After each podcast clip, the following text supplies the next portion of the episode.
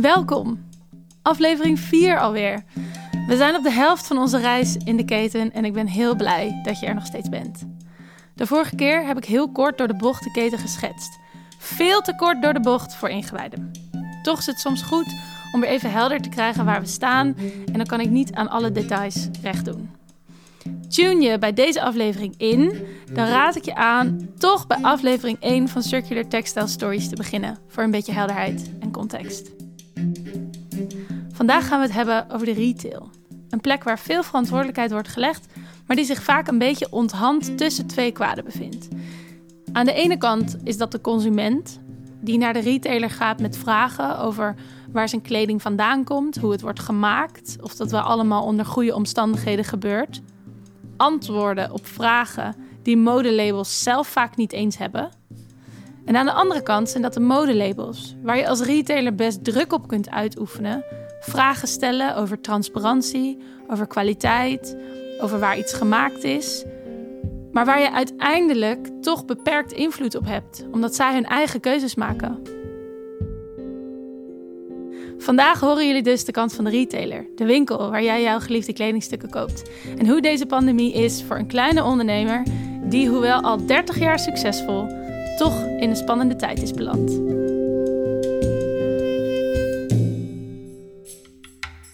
Oké, het werkt. Wil je je voorstellen? Ik ben uh, Hetty Scholtens en ik ben uh, ondernemer in een damesmodenwinkel in Hattem. En ik heb een winkel in het um, midden-hoogsegment. En hoe lang doe je dat?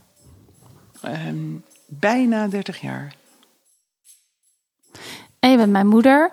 Ja, ook dat. En je winkel bestaat bijna 30 jaar en ik besta uh, bijna 29 jaar. Dat betekent dat de winkel langer bestaat dan ik.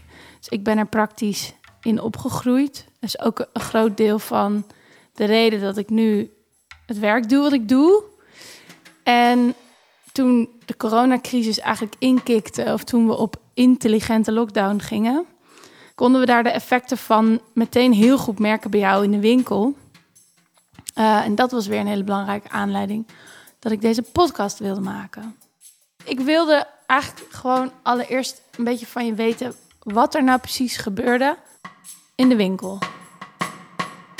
Nou, het was natuurlijk gelijk wel heel duidelijk dat uh, als een uh, regering op nationaal niveau zegt: blijf thuis en werk thuis en gaan geen kinderen meer naar school, dat iedereen een soort noodzaak voelt om zich daaraan te houden, omdat er iets ergs aan de hand is. En dat betekent eigenlijk basically dat je in een centrum als dat waar ik zit, en ik denk in heel veel centrums van dit land, je een kanon af kunt schieten, omdat mensen dat dus niet gaan doen. Tegelijkertijd zit je aan het begin van een heel nieuw seizoen, want het was half maart, dus we zijn eigenlijk net goed en wel begonnen. Het was ook nog eens heel mooi weer, dus normaal gesproken zou dat meteen een effect hebben op je business. En er gebeurde niets. Waar er bij mij altijd reuring is en er altijd wel iets gebeurt en ook altijd gezellig is. En, en met medewerkers, maar ook vooral met klanten, was het nu gewoon, uh, zag ik dagen niemand. En wat ben je toen gaan doen? Wij hebben de mogelijkheid geboden om te personal shoppen. We hebben letterlijk achter de website een agenda geplakt waarin mensen een, een tijd konden kiezen om, om te komen winkelen. Ik wilde er zijn voor mijn klanten, ik wilde er zijn voor mezelf en ik wilde nadenken over hoe we dit het hoofd gingen bieden. En je weet ook niet meteen alle antwoorden. Dat moet je ook een beetje gaandeweg ontdekken. Ja, je hebt natuurlijk die ene kant, dat is je klant, dat is natuurlijk je hoofdfocus. Maar je had ook de andere kant, namelijk de leverancier. Wat ben je gaan bespreken? Basically is het zo dat wij natuurlijk aan het begin van het seizoen zaten. Dus half maart, dan hangt je winkel net vol met nieuwe collectie. En dan gebeurt er niks. Dan wordt er niet verkocht. En die fabrikanten willen eigenlijk gewoon allemaal sturen. Dus die willen allemaal hun spullen die ze nog voor je hebben en hoogzomer en alles wat er nog komt afsturen.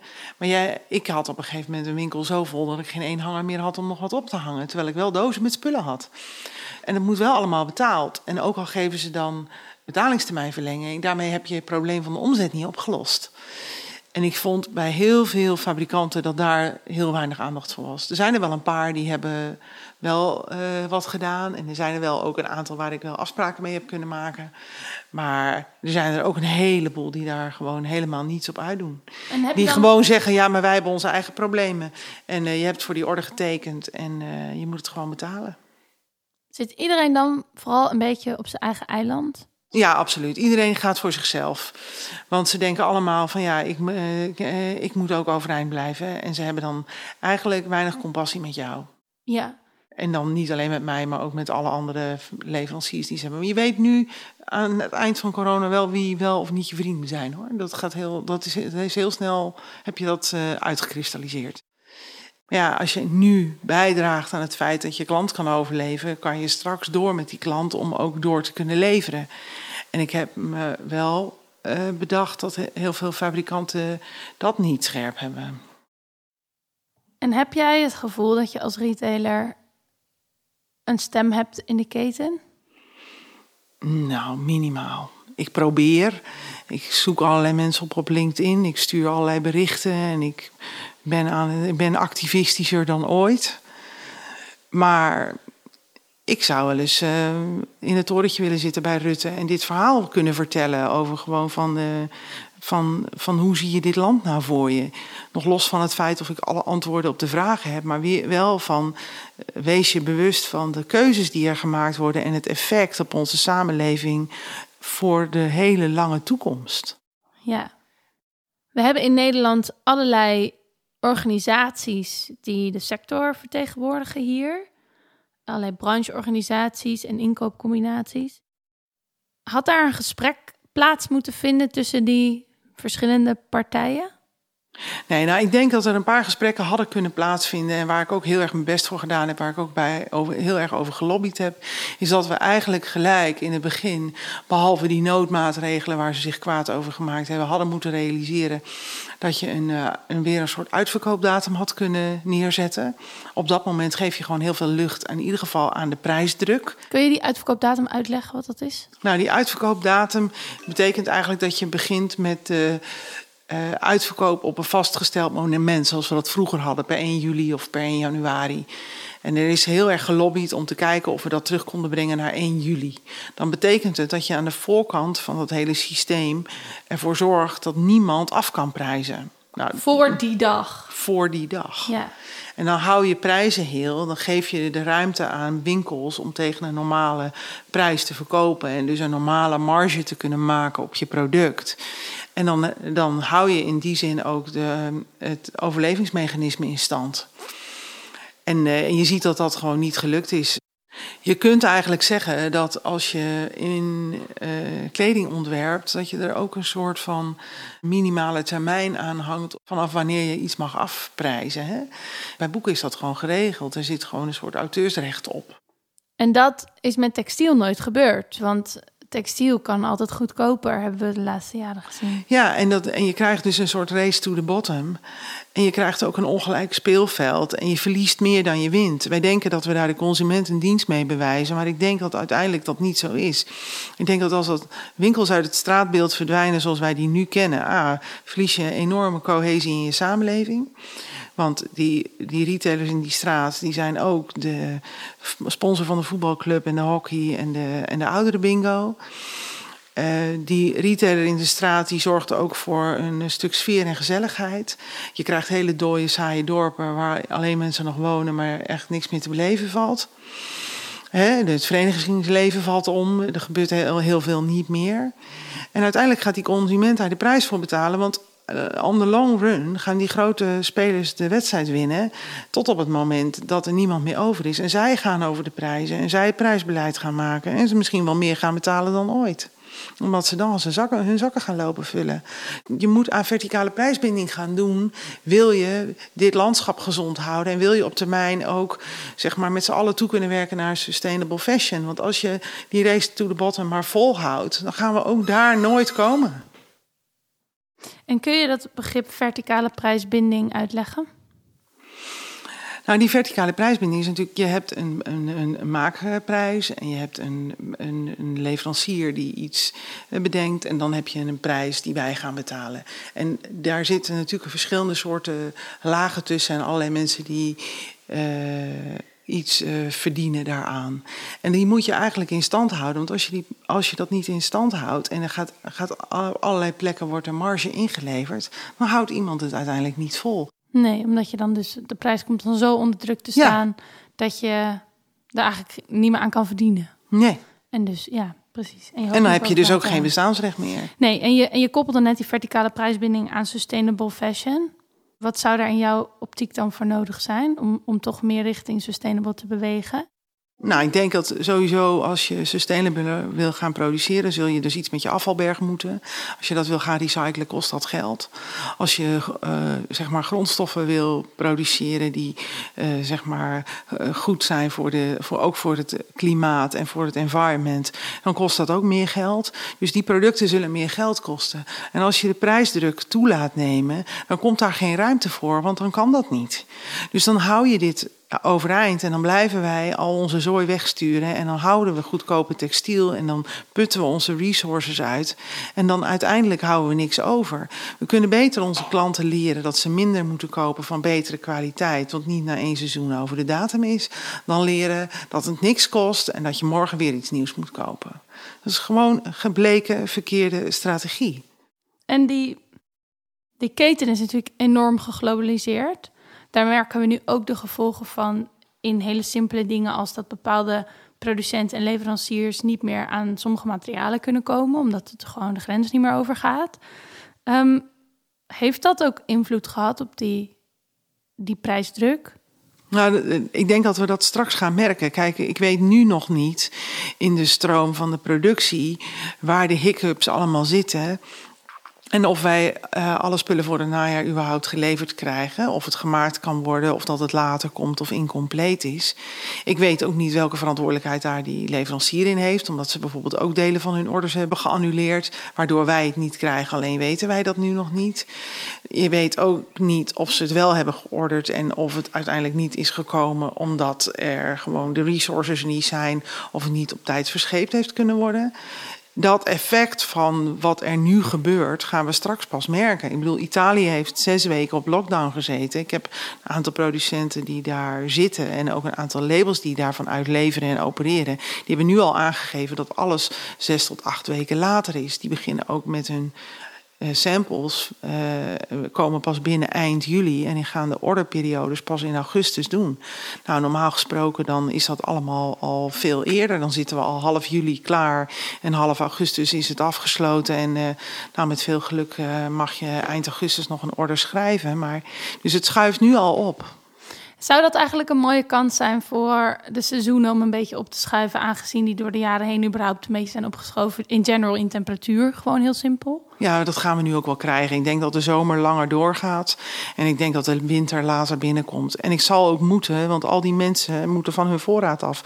Al die retailers moeten uiteindelijk hun spullen kwijt. Ja. En als, uh, als daar de tijd niet voor is, dan, um, dan blijven ze met veel te veel voorraden zitten. En het andere probleem van voorraden is dat daar heel veel geld in zit. En dat ze dan het geld niet op de rekening hebben om de rekeningen van de winter te betalen. En denk je dat door al die doorwerkende effecten van corona we überhaupt überhaupt nog meer faillissementen gaan zien in het komende jaar?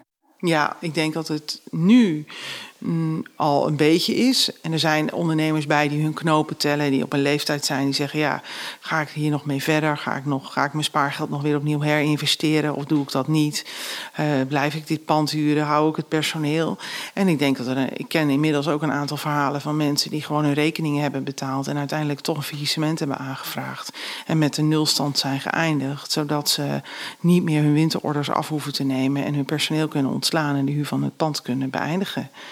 En ik begrijp dat wel. Als je nu eind uh, in de 50 bent of begin 60, dat je, dan, dat je zo'n keuze maakt. Mm -hmm. Want als je weer opnieuw moet gaan investeren en een, rekening courant aan moet vragen en dat weer moet terugbetalen, dan heb je ook simpelweg de verdientijd niet meer voor. Nee.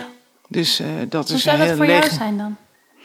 Nou, ik, voor mij, ik denk dat ik, uh, ik spring hier wel uit. Ik ga, dit gaat op zich bij ons denk ik wel redelijk redelijk lukken. Ik hoop dat ik dit seizoen break-even doorkom. Dan kan ik echt wel serieus verder. En dat wil ik ook wel heel graag. Ik wil echt wel nog dat bedrijf er weer eh, knap bij zetten, zeg maar. Maar goed, ik, ja, het ligt ook allemaal aan hoe lang het duurt. Ik bedoel, als die economische krimp echt 7,5 tot 10 procent is. We hebben een crisis gehad in 2008, de bankencrisis. Toen hadden we een krimp van 3,5 procent. Toen hebben ook mensen in de retail en in de fashion het enorm gevoeld. Ja, als dat nu weer gebeurt, ja, dan krijgen we nog zo'n zo'n zo'n stuk erachteraan. Dus dan heb je behalve een coronacrisis met de problemen van alle voorraden en alle, alle, alle hè, zeg maar, hele delicate structuur die er nu zit. Maar dan heb je ook nog een economische crisis. Ja, dan, dan denk ik dat je een kaalslag krijgt die ze weergaan niet kent. Mm Wat ik de afgelopen periode zo helder vond worden ineens, is dat de effecten van de crisis zijn super direct zichtbaar in de fashion.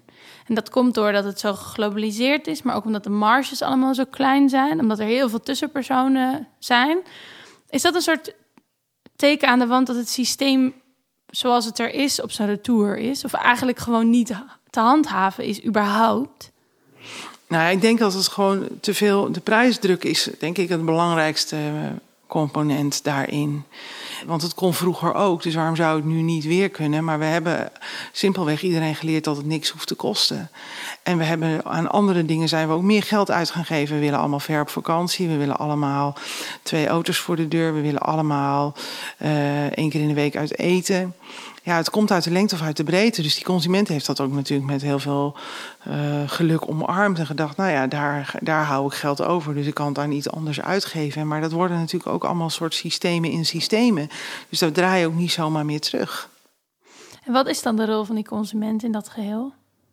Nou, ik denk dat je die consument op zich niet zo heel veel kwalijk kan nemen. Die, die, die anticipeert gewoon op wat hem wordt aangeboden. En, en die kan natuurlijk nadenken over zijn keuzes. Ik denk dat dat wel zou moeten. Maar ja, aan de andere kant, als een gezin uh, met vier kinderen moet leven, of twee kinderen met vier mensen moet leven van 2000 euro, kun je die mensen dan kwalijk nemen dat ze naar de Primark gaan? Ja, nee. Ja, nee. En ik bedoel, ik vind wel wat van die Primark, maar ja, ik kan niet boos worden op die mensen. Nee. Wat zou volgens jou dan voor die fashionketen de kans kunnen zijn die soort van verscholen ligt in wat ons nu overkomt met corona? Nou, ik denk in ieder geval dat het belangrijk is dat er een gelijk speelveld gecreëerd wordt. Het kan niet zo zijn dat de ondernemer in de straat die geen uh, investeerders uh, in zijn broek, uit zijn broekzak kan halen, het loodje legt, terwijl een Zalando of een Bijenkorf dat wel kan. Dat zou niet moeten mogen. Dus je zou daar echt wel iets over moeten, daar, daar kan je iets van vinden. Ik denk dat ook uh, bedrijven die bijvoorbeeld, dat zie je ook in andere sectoren in Nederland, geen winstbelasting betalen, maar wel heel veel geld verdienen, die niet bijdragen aan de BV Nederland en wel zeg maar de beste studenten van de universiteiten halen en het voordeel hebben van allerlei regelingen en subsidies en geen, en geen bijdrage betalen uh, in de vorm van winstbelasting. Hè, behalve dan zeg maar de BTW en, uh, en een deel van de, in, van de uh, loonbelasting. Dat zou ook niet moeten kunnen. Nee. Dus je kunt nadenken over of het systeem in, in general in zijn geheel klopt. Dus het betekent niet dat als je groot bent, dat dat dan automatisch privileges inhoudt. Nou, dat is nu wel zo, maar je zou moeten nadenken over het feit of dat nog wel reëel is. Ja. Ik bedoel, en, dat, en, die, en die realiteit die moet je met elkaar bespreekbaar maken, omdat ik denk dat um, als je dat niet doet, dan hol je dus zoveel uit. En er bestaan onze steden straks alleen nog maar uit hele grote bedrijven en hele grote winkelbedrijven. En er gebeurt er niks meer in kleine winkeltjes. Ja, misschien nog eens een beetje hobbymatig, omdat iemand er niet van hoeft te bestaan. Maar dat kan natuurlijk niet. Ik moet daar gewoon een inkomen verdienen. Dus ik ga in de hobbystand dat niet kunnen doen. Nee. En heel veel met mij niet. Je moet ook niet vergeten dat wij zijn met z'n allen als uh, MKB en als retailers in de straat een van de grootste werkgevers van dit land. Er werken zoveel mensen in al die winkels. Dat is ook voor hun een onderdeel van hun bestaan. Gaan we dat dan allemaal wegzetten in dozen langs snelwegen, in webshops? En mensen alleen maar karretjes met spullen laten versturen, wat bol.coms doen en misschien de Amazons en de Alibaba's van de toekomst? Is dat dan wat wij willen? En worden mensen blij van zo'n baan? En worden, worden wij met z'n allen blij als inwoner van dit land van zo'n straat en zo'n stad? Dat zijn vragen waar je over na moet denken met elkaar. Wat is de impact van dit alles op ons leven van de toekomst? En wat is volgens jou dan de toekomst van de retail? Nou, ik hoop en ik droom vooral, maar ik hoop echt dat die individuele retail blijft. Want ik denk, als ik zie hoe ik gewaardeerd word door mijn klanten, en ik heb het nu gezien tijdens corona, dat is zo'n waardevol netwerk wat dat genereert voor zoveel mensen die ook eh, om iets anders komen dan alleen maar wat te kopen. En uh, dat moet je niet uitvlakken. Ik denk dat alle, allerlei ander leed dan op heel veel andere borden terechtkomt. En die gewoon nu opgelost wordt in de winkels en op de straat. Als je bedenkt dat als die winkels verdwijnen, dan is er op termijn gewoon geen feestverlichting meer. Als die winkels verdwijnen, hebben we geen Sinterklaasintocht meer. Als die winkels verdwijnen, zijn er geen evenementen meer in de stad. Als die winkels verdwijnen, dan gaat het hele sociale leven een beetje onderuit. Het is allemaal zo'n wankel evenwicht. En mensen denken allemaal dat, er, dat, dat dat er vanzelfsprekend is. En dat is dus niet zo.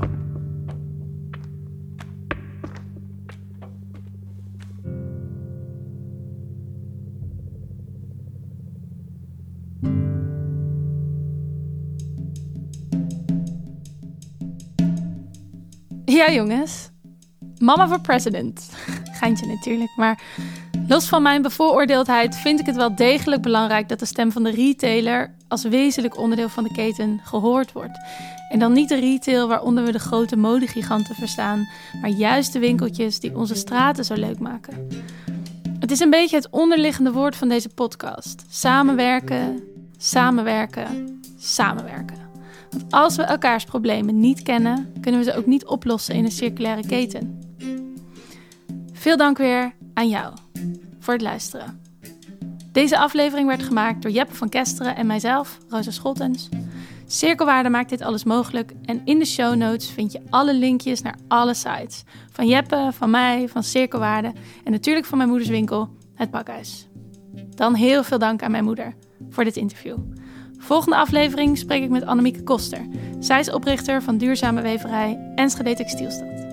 Tot de volgende!